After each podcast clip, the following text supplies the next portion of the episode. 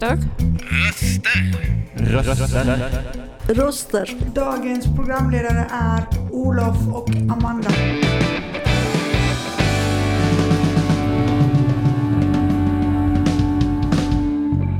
Dina röster i vardagen. Hej!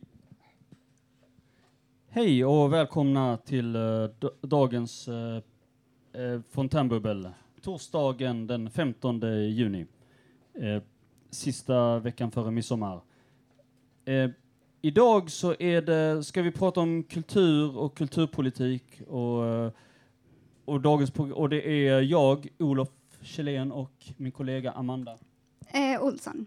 Amanda Olsson, ja.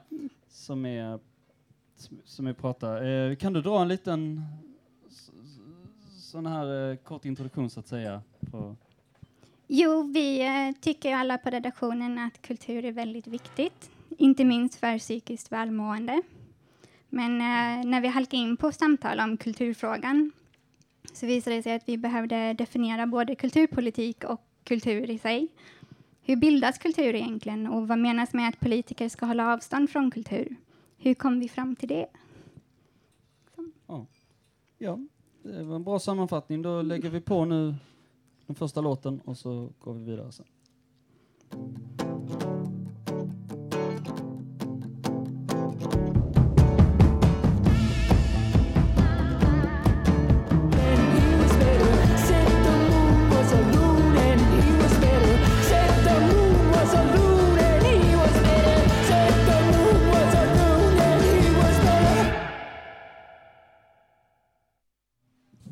Du lyssnar på Fontänbubbel och det vi precis hörde var Cat Clyde med Peppa Took My Totems. Ja, som inledningsvis för att börja, för att närma oss det här området med om kulturpolitiken så kan jag informera om en uh, artikel som jag hittade häromdagen som är av Anders Frenander i en tidskrift som heter Kulturpolitikens långa våg. Och eh, den går igenom historien i eh, den svensk, eh, framförallt, sven, framförallt svensk eh, kulturpolitik. Och, då, eh, och, och, det går tillbaka och det handlar om hur, hur de olika hur det, hur det började så att säga under 1900-talet. För, för det handlar ju om då modernitetens genombrott i Sverige och de tre sociala klasserna, borgerligheten, arbetarklassen och bönderna och alla hade på något sätt var sin kultur. Men eh, det var inte förrän omkring 1970 som eh, kulturen etablerades som ett eget politiskt område. Eh, och, eh, och då en ganska, vilket då hade en ideologiskt och praktiskt ganska snäv inriktning och eh, då dominerades av, ett, av finkulturbegreppet, det vill säga sånt som räknas som konst, litteratur, teater, musik och dans och ett vagt definierat eh, kultur, kulturarv. Um, men eh, varken inom borgerligheten eller bland bönderna så tyckte man att saken var särskilt påträngande, så det, det, den mesta kulturpolitiska diskussionen fördes inom eh, arbetarrörelsen. Och det var här som kulturfrågorna i bred mening diskuterades. Mm, och um, vi hade ju på något sätt uh,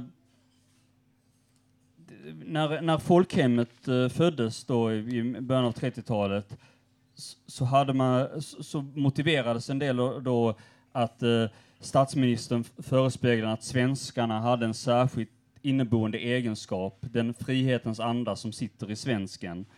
Och eh, gränsen mellan svensken och den andra, eller mellan demokrati och förtryck, var glasklar. Och, och att i diskussionen så uteslöts, uteslöts till exempel idéer andra typer av idéer. Och där, där, är det en intressant sak, för där är, det, det visar ju på något sätt att det, det, gjorde, det gjordes en, eh, en, en historia om den svenska kult, kulturpolitiken var på något sätt präglad av att eh, det svenska var på något sätt lite, lite finare och mer demokratiska än det andra.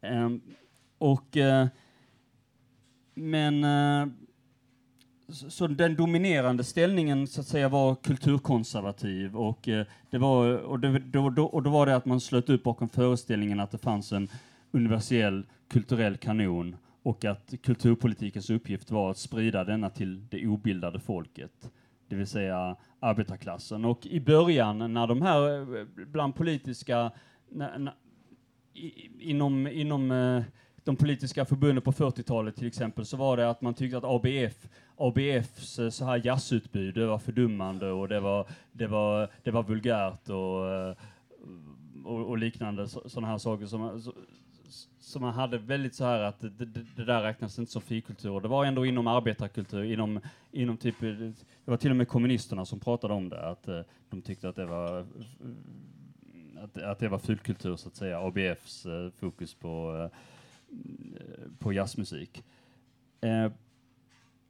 Men eh, i alla fall, eh, för att göra en lång historia kort så kan man säga att eh, det var, det var omkring 1970 som, kultur, som, eh, som det blev så att säga ett, ett eg, som kulturpolitiken blev ett eget område. Det sa vi visserligen innan, men 1974 så beslöt riksdagen om de kulturpolitiska målen vilka som skulle utgöra riktlinjerna för, för den nya organisationen. Um, ett, en av punkterna var att eh, det var en myndighetsstruktur som upprättades där Statens kulturråd blev den verkställande organ och att armlängds, avstå, armlängds avstånd skulle hållas från den politiska makten.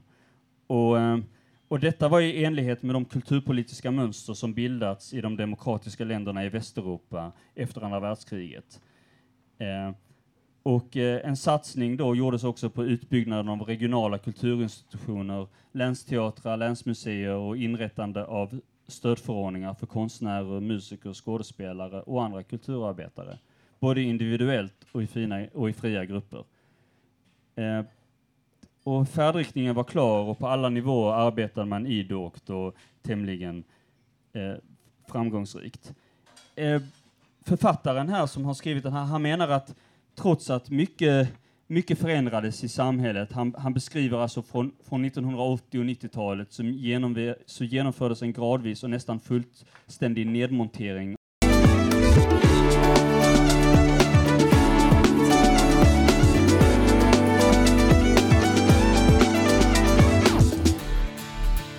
Du lyssnar på Fontänbubbel och det här vi precis hörde var Pink Panthers med Angel.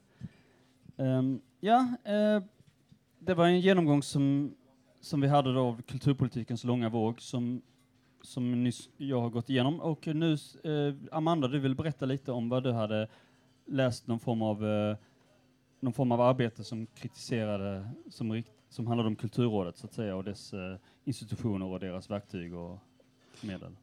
Ja, Sverige har ju definierat ett antal mål för kulturfrämjande, däribland att kultur ska vara tillgänglig för alla eh, och att kultur ska vara inflytanderikt i samhället. Kultur ska vara en dynamisk, utmanande, obunden kraft med yttrandefrihet som grund. Samtidigt så ska politiker hålla det här armslånga avståndet till kulturen och det är ett diffust begrepp. Så eh, 2021 fick Myndigheten för kulturanalys uppdrag av regeringen att undersöka hur pass fri konsten faktiskt är. Och jag har tagit förståelse ifrån den rapporten och jag läste officiellt på hemsidorna för Kulturrådet, Konstnärsstyrelsen och Filminstitutet. Och den här undersökningen utgick från att politiker och politiska organisationer bör avhålla från styrning som riskerar att påverka vad som skildras konstnärligt och hur det skildras. Och eh, de definierade styrning som påverkan. Och, eh, konstpolitiken ska då inte negativt påverka den konstnärliga friheten och det, det, de hittade liksom att det fanns brister i det. Um, styrelsen av Kulturrådet, Konstnärsnämnden och Filminstitutet tillsätts ju av regeringen. Och de får uh, årliga övergripande instruktioner från dem. Enligt undersökningen som hanterar främst 2019 står det att Kulturrådet på senare år har fått uppgifter att främja olika gruppers rättigheter i det konstnärliga innehållet och det är ju med, med intentionen att påverka samhällsnormer. Och det känns ju positivt om det är ens egen parti som har makten. Um, och även i instruktionerna till Konstnärsnämnden och Filminstitutet så finns det liksom problematik eftersom det är väldigt oklart med vilka riktlinjer som man ska utöva när man för att skydda konstnärlig frihet. Och framförallt ifrån politisk påverkan.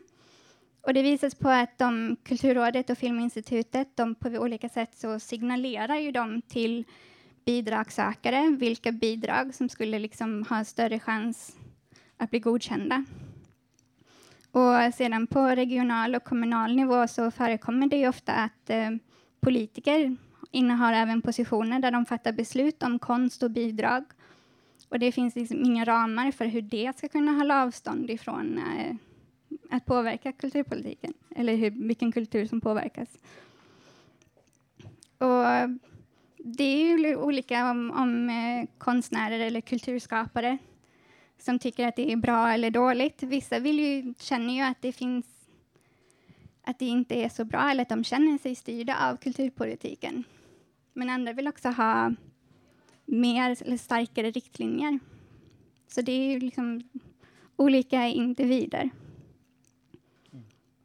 Jo, det var intressant. Och där, där undrar man ju liksom lite grann hur, eh, hur man ska garantera en oberoende i, i förhållande till kulturfrågan. För det är, alltid, det är alltid så, den som är bidragsgivare, det har alltid varit så för, förr i tiden, förutom det rent, den rent kommersiella kulturen har vi inte haft hur länge som helst.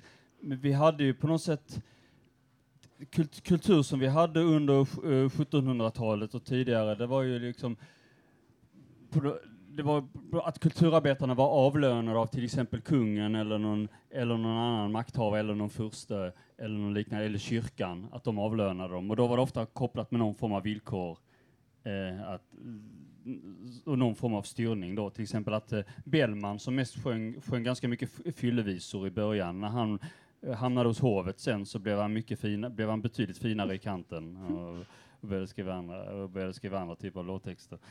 Eh, men, så, så, det så, så, det är också, men det är också på något sätt när, när det är någon, när det är på något sätt eh, också sk eh, skattebetalarna som står för det och finansierar, då vill ju också förmodligen fler känna sig delaktiga av de som betalar att, att vi, det, här, det här önskar vi och det här, det här vill vi inte ha, vi vill inte att någon annan ska bestämma för mycket.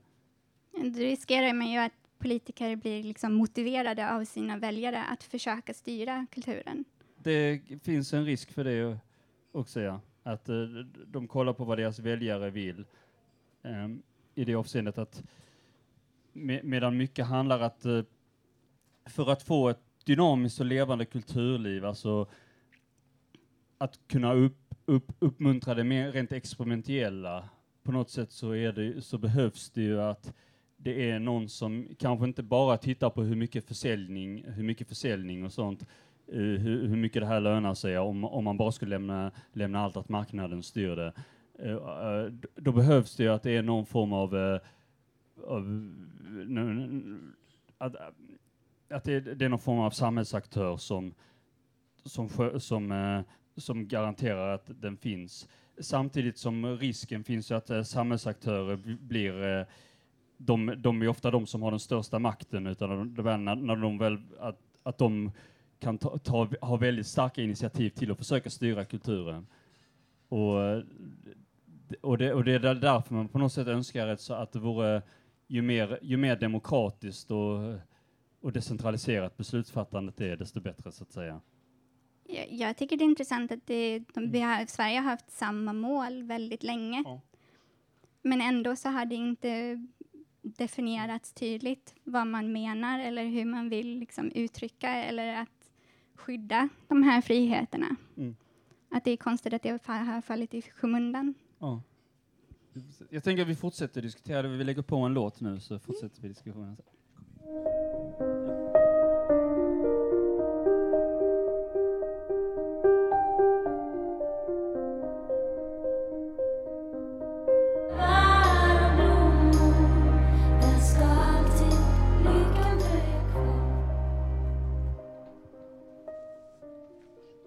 Lyssnar på Fontänbubbel och det vi precis hörde var Ida Redig i Min lilla värld av blommor.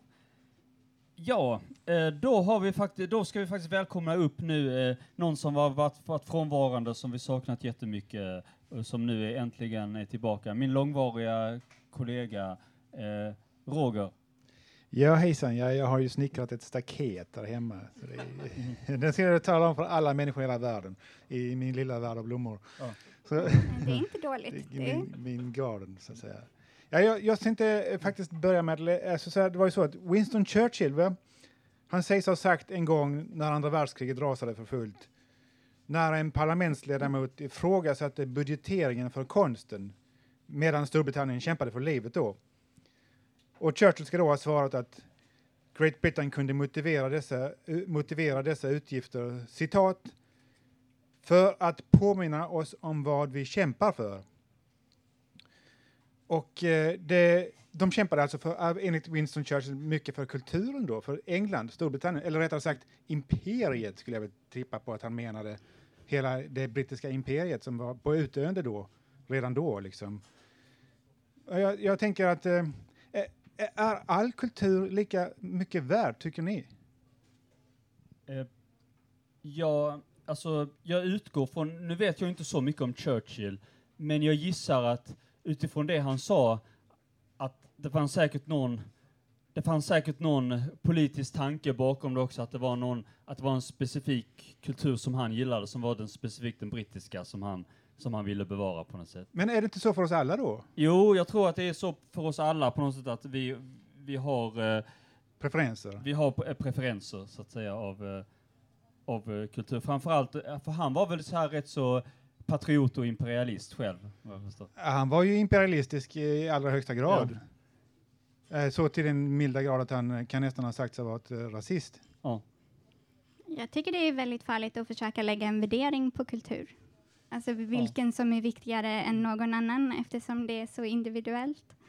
Men det är just därför man lägger en, eh, en tyngd på den kultur man tycker Ja, man kan ju lägga en tyngd på den, men att säga att den är bättre eller sämre eller mera värd.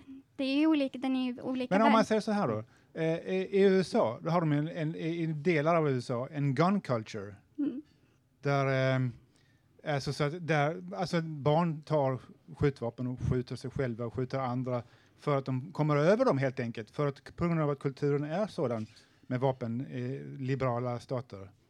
Ja. Är det okej då, tycker du? Nej, men jag tycker man kan ju utvärdera någonting från vilket värde det har för en individ och vilken samhällspåverkan det har. Det är ju en, en intressant balans i det hela, men nej. Men Ja. vilket värde har gun culture för en individ då? Ja, för har jag väldigt svårt att svara på.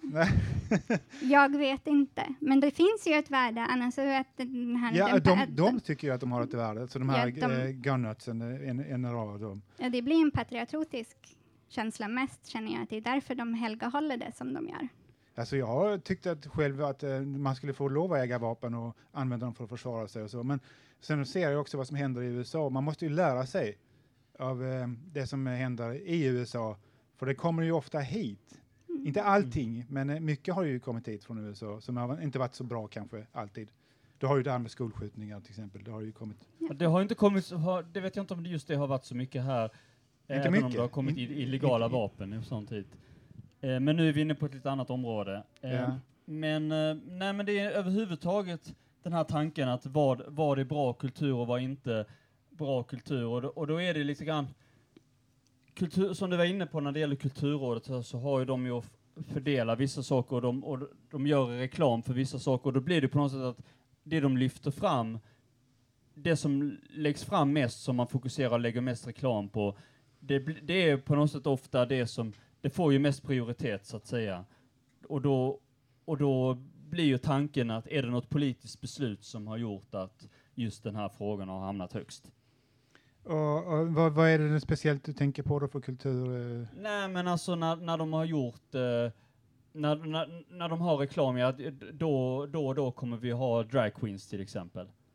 Eh, Eh, Det, det, jag har inte hört det. Alltså jag, jag, jag, jag vet och inte. då, och, det, och det, det, är den, det är den, det är någonting där, och det är väl den aspekten som har retat upp, eh, kan jag tänka, från dem, till exempel nu har Sverigedemokraterna gjort en väldigt stor grej att de vill på något sätt styra i att eh, det här med drag queens, att eh, det, det anses inte vara tillräckligt fin kultur på något sätt, att eftersom det är, det är vulgärt och det är- och, att det, och, det tanke, och det faktum att det, de, de läser sag, sagostunder för barn, att det är liksom, då måste vi skydda barnen. Uppenbarligen så är kultur laddat också. Ja, och jag vet ju inte riktigt vad de, men, de, försöker, de menar ju att att eh, uh, på något sätt de försöker motivera sin inskränkning av kulturen på något sätt här med att de eh, att det läggs eh, skattepengar på det och att de att de försöker på något sätt eh, kulturins, Lägga beslag på kulturinstitutionerna, kultur. nej, men att de, att de menar väl att kulturinstitutionerna försöker uppmuntra den typen av beteende som de säger. Och då, så då står lite grann ord mot ord att SD försöker hävda, ja det är vi som står upp för den, fri, för den fria kulturen medan vi andra kanske uppfattar det som att de snarare försöker att eh, Ja, begränsa förstår. den. Ja. Och jag tycker det, för egen del så tycker jag det känns som en begränsning, alltså att de, att de kommer så här, ja men det här ska det inte läggas, eh, det här ska det inte läggas, vi bestämmer, vi, vi inom vårt parti har bestämt vad folk ska se och vad barn och föräldrar gillar att titta på eller inte. Så kan det vara. Eh, ja, ja, men jag tänker att eh, kultur eh, för mig är kanske snarare det här med eh, domkyrkan och kulturen här i Lund till exempel. Det är ju en, ett historiskt museum och en liten by man kan gå in och titta på och så liksom och, och med gamla hus och ja, det är liksom det är det som är kultur för mig. Och så har vi då eh, gammaldags musik, då den här 1700-talsmusiken. Eh, kanske speciellt och gregoriansk kyrkomusik som jag lyssnar på ibland. Ja, ungefär så. Som jag försökte, när jag var 14 så försökte jag imitera, jag hade varit på eh, sån här med någon äldre släkting på sån här museum och tittade på sån här gammal och då sjöng jag gregoriansk sång för resten av dagen. Ja, men vad är kultur för dig, Amanda? Eh, kultur är ju all kreativt skapande. Det som, jag känner väl att det är det överflödiga i livet. Liksom konst och litteratur och så. Det Ja. som inte behövs men som ändå behövs. Som ändå behövs. Ja, men det är bra förklarat. Ju. Eh, ja, jag vet inte. eh, Det är inte jag som är programledare, så eh, ni- ni får bestämma var vi ska gå nu. Ja. Nej men jag tänker att vi tar väl en låt och så fortsätter vi sen. Just a young gun with a quick fuse. I was uptight,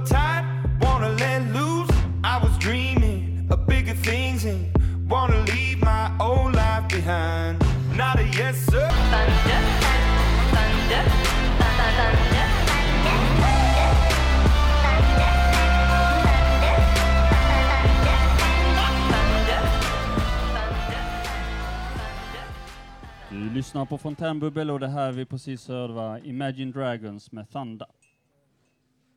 Ja. Ja, vi, vi skulle prata om när det gällde i, kulturens roll, alltså att leverera någonting, att utmana och samtidigt kunna tåla kritik. Mm. Jag, jag har inte tänkt så mycket på kulturpolitik innan den här veckan. Men eh, jag tänker mycket på är att jag tycker det är negativt för kulturen som helhet ifall man inte kan separera kvaliteten på ett verk ifrån en subjektiv samhällsnytta. Mm. Liksom om man, eh, det jag har sett mycket på soci- sociala medier är att jag känner att ansvariga människor använder politik för att skylla ifrån sig eller avsäga sig ansvar för liksom kritik. Ehm, som om någon skapar ett verk med feministisk fokus, så om någon ger dem negativ kritik så kan de säga att det är antifeminister som ger den kritiken och inte vill engagera i en produktiv debatt. På det liksom. Och ehm, aktuellt nu är ju att Netflix har gjort ett dokudrama som med, om Cleopatra. Och den har ju blivit starkt kritiserad för att de har valt en svart skådespelerska för att porträttera henne när det finns historiska bevis för att det inte stämmer. Och de har ju ansvariga för det har ju till stor del använt eller kallat människor som kritiserar det för rasister. Och jag tycker det är väldigt dåligt att vi inte kan ha en produktiv diskussion om det, liksom att, det inte, att man blir kallad en rasist bara för att man kritiserar att amerikansk raspolitik får en plats i hur man skildrar världshistorien. Vad exakt menar du då? Alltså, då kan du specificera. Att det är viktigt att kunna ha distans till det man skapar och sin ideologi bakom det. Eh, hur ska det gå till? Ja, genom viljestyrka. Jaha, okej.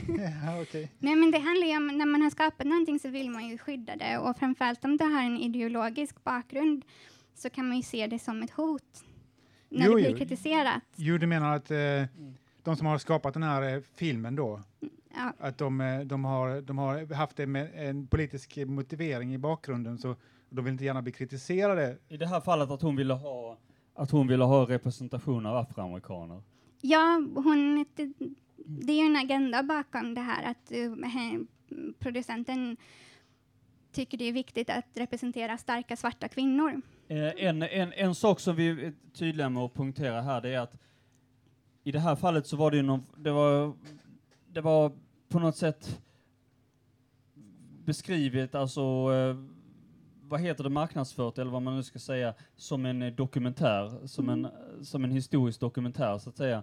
Och då, och då blir det också problem om, om man ändrar historien eh, på, på det sättet, bara för att det, det ska se ut på ett visst, så, så kan det ju ibland kanske ge intrycket, eftersom det, det egentligen var det att det var på något sätt grekerna som styrde och att de svarta mest var slavar. Och om, och om det nu blir så att någon, det är någon svart kvinna som styr, som styr den här dokumentären, då, då, då kan ju folk uppfatta det som att det kan ju vara lite att, ja men, att det var kanske inte, ja men då, då var det inte de svarta slavar plötsligt och då, då, ja men då har ju slaveriet kanske inte, det, det är ändå överdrivet om ändå Kleopatra var svart, om folk tar det, om, om, om folk tar det för sanning så att säga, eller att, eller, eller i alla fall det, jag vet inte om alla tar det, men, men det i alla fall blir, det blir lite grann den, den bilden om man, om man gestaltar på ett sätt som att rasism aldrig har funnits. Uh, så, blir vi mindre medvetna om historien.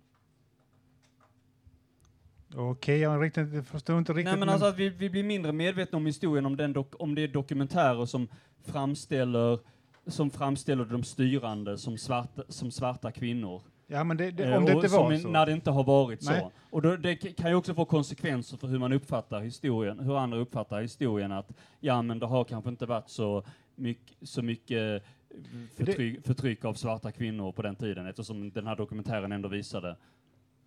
Ja, det är väl en form av pseudohistoria då. Ja. som- Ja, precis. Så, så jag tänker man får vara försiktig med konsekvenserna, alltså när man, är, när man ska försöka göra representation för sakens skull, att det kan ibland få motsatt effekt. Det är en form av att, att det historierevisionism. skapar, det skapar ras, kanske rasism på ett sätt där, där, där de kanske trodde att det skulle motarbeta den. Det är en form av historierevisionism då. Ja, jo precis. ja, ja eh, okej. eh, ja. Ja, jag tycker det är väl den här eh, diskussionen om kultur är lika viktig som kulturen själv. Det är ju så vi det har en långvarig påverkan i ifall man diskuterar idéerna som presenteras. Och Mm. det är viktigt att göra det på ett konstruktivt sätt. För liksom om man börjar lägga ord i munnen på sina motståndare i en diskussion så blir det ju väldigt fort fientligt. Jo. Och att jag, ja, det är väldigt viktigt tycker jag, eller jag värnar om det i alla fall. Mm, jag tycker du gör rätt i det. Sen är det klart att det är bra att vara medveten om eh, rent så här kulturen bakom hur man har gjort att inom vissa, inom vissa äldre så här filmer och serier så har, de man, så har det ibland porträtterats, till exempel Tintin i Kongo och de första, så var det ett beställningsverk av kolonialmakter, de första äventyren när de, när, när de porträtterade till exempel indianerna och, eh, på, på ett visst sätt. Eh, så det finns ju en historisk bakgrund till till en del av dem, att, att det fanns en del sådana koloni, kolonialistisk arv i hur man, hur man betraktade svarta och andra minoritetsgrupper på den tiden.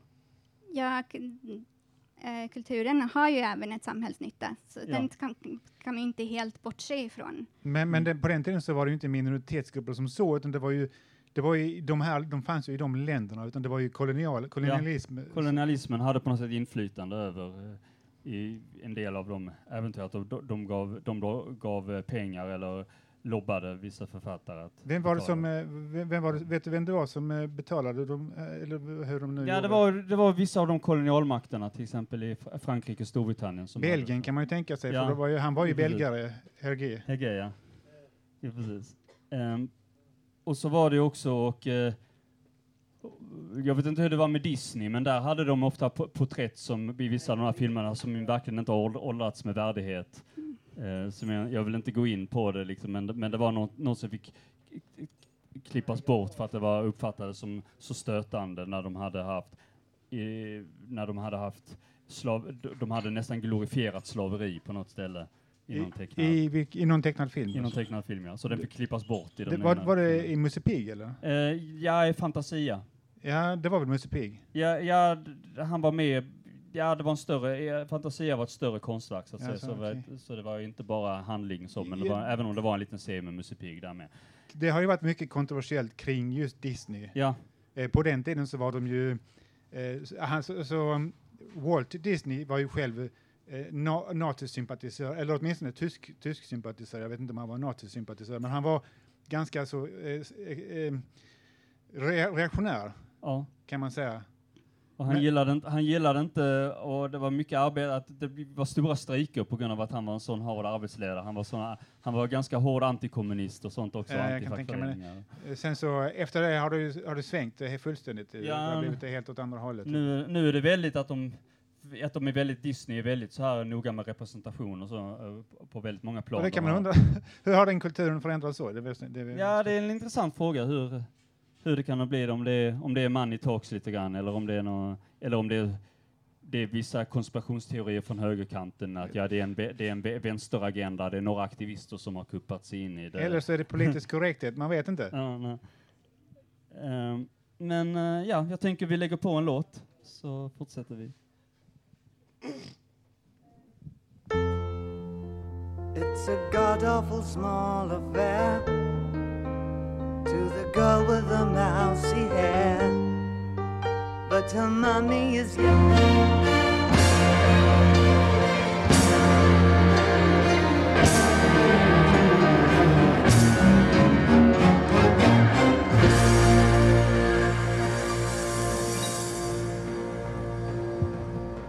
Du lyssnar på Fontänbubbel och det vi precis hörde var den majestätiska Life on Mars med David Bowie. Ja, eh, vi pratade om kultur och representation och så att det, det har blivit en, det, det har mer och mer blivit en, en del. Men det är också en intressant här fråga, vem, vem styr den här repre, representationen? Alltså när det gäller eftersom i- ibland, ibland kan det bli såna här, eh, ofta att det ska, det ska vara en speciell eh, kvot på så här att det ska vara en viss mått av kvinnliga och manliga eh, skådespelare eller, eller artister eh, på, på olika event eller olika, på grund av olika etniciteter och sådär. Att det och, och, men där kan jag tycka att där, där blir det lite problematiskt, för, för, för det finns ju två sidor, det, det finns ju två s- perspektiv här, alltså det man gör, det folk gör upp om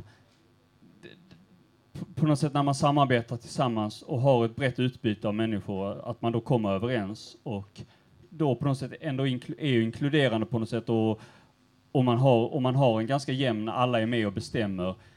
Eh, men om det då samtidigt kommer någon utifrån att, och säger att nej men nu har ni bestämt fel saker eftersom nu fyller vi inte den här kvoten av så här många, att det, det ska vara så här många manliga och kvinnliga artister på den här spellistan och sånt där. Även om alla har varit delaktiga, alltså att även om det har varit kanske mest fler kvinnor än män som har bestämt, att de har kanske, kvinnor kan förändra haft mer. Och, och, och det då jag menar, då, då blir det, är inte risken då att det blir väldigt eh, politiserat och nästan lite politrukmässigt? Det skulle kunna vara så, men det är ju också så att det finns... Alltså jag tänker så här, det finns, det finns färre kvinnliga grupper åtminstone, kanske inte jättemånga färre kvinnliga artister, men det finns färre kvinnliga grupper där det bara är kvinnor som spelar. Ibland har de en kvinnlig sångare och så. Ja. Det blir lite svårt att... Eh, det blir lite svårt att, eh, att få det jämnt.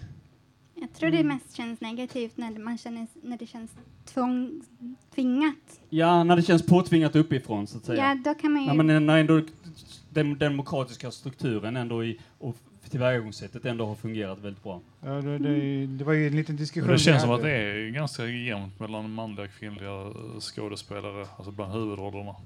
Fast jag tycker det är trevligare Ja, men alltså, vi, tänkte, vi tänkte på musiklistan. Ja, musik.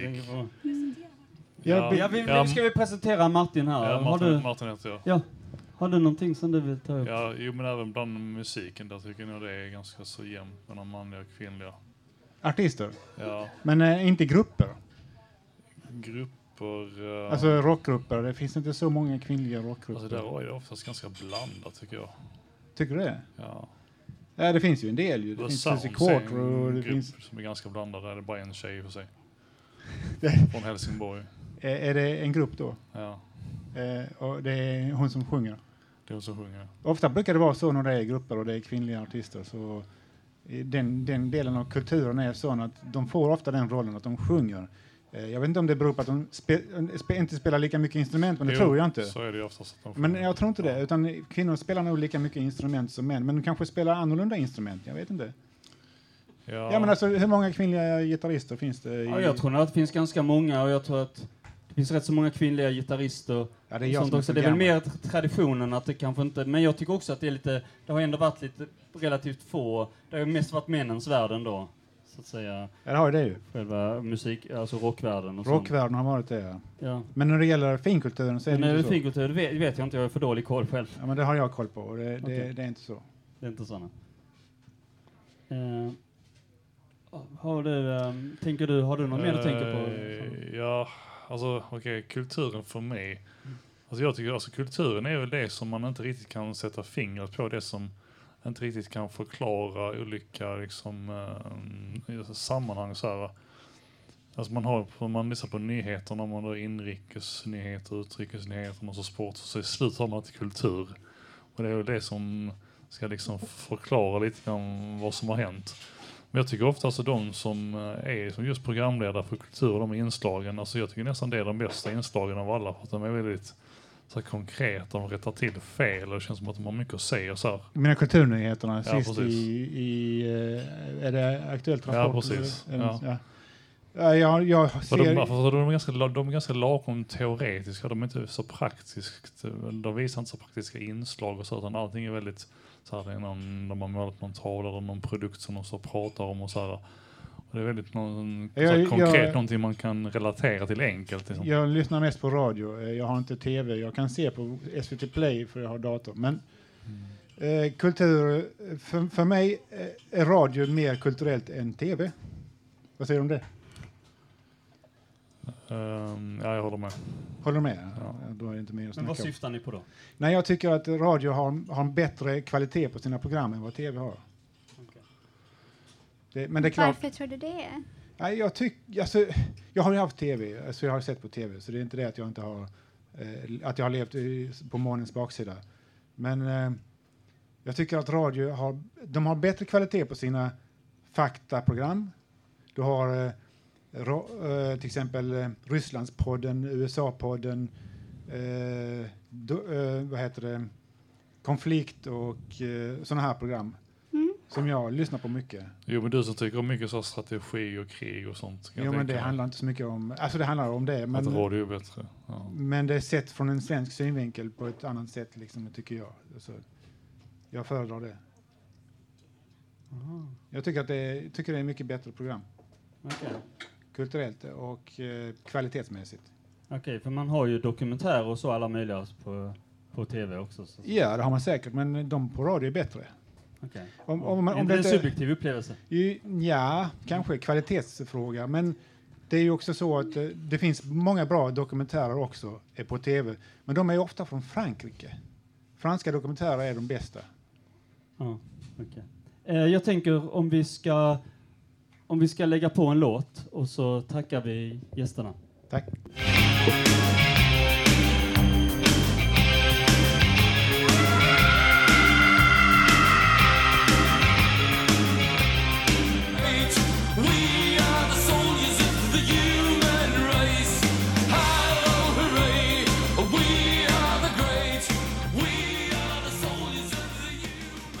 Du lyssnar på uh, Fontänbubbel och det vi precis hörde var Imperiet med CC Cowboys. Eh, Coca-Cola Cowboys alltså. Det är någon form av eh, så här, de, de, de liknar eh, någon, någon form av med, ah, USA med cowboykultur. Eller något, jag vet inte riktigt. Men eh, vi har en, vår sista gäst här för ikväll. Välkommen upp till Claudia heter det. Har du någon tanke utifrån det vi pratat om? Jag har många tankar här som jag tycker liksom är väldigt intressant ämne egentligen det ni har behandlat idag också som vanligt. Eh, jag tänker så här att, eh, och jag funderar mest liksom på det är frågan liksom om eh, kultur behövs eller, eller liksom att det behövs inte men ändå behövs.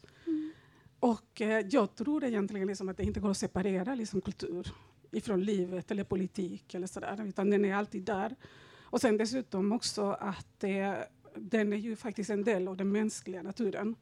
Det har alltid funnits, alltså sen människan har funnits. Liksom. Och sen så också att, alltså att den har visat sig och det finns liksom eh, medicinska eh, typ liksom, nästan bevis.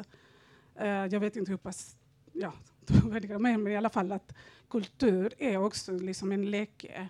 Alltså det är en läkemedelsmetod liksom för människor som är med, med psykisk ohälsa. Så att de som har liksom kontakt med kultur, vare sig att de skapar eller liksom till och med går på en, en eh, presentation av någonting, teater eller musik och sådär. Den människan har mycket mer möjlighet att läckas än de som inte gör det. Så att det är liksom, jag tycker inte det går att, alltså att, alltså att eh, ta isär detta med kultur och politik, alltså, utan de går tillsammans. Kultur och livet går tillsammans. Också det här liksom det, hon, det du nämnde, alltså till exempel med, eh, som är Disney och, eh, eh, och de andra, nazikulturen kan man prata Ja. om liksom, till exempel. Eller sådär. Det visar också liksom, att det finns en poäng liksom, med, med att dels popularisera kulturen men också kanske elitisera det.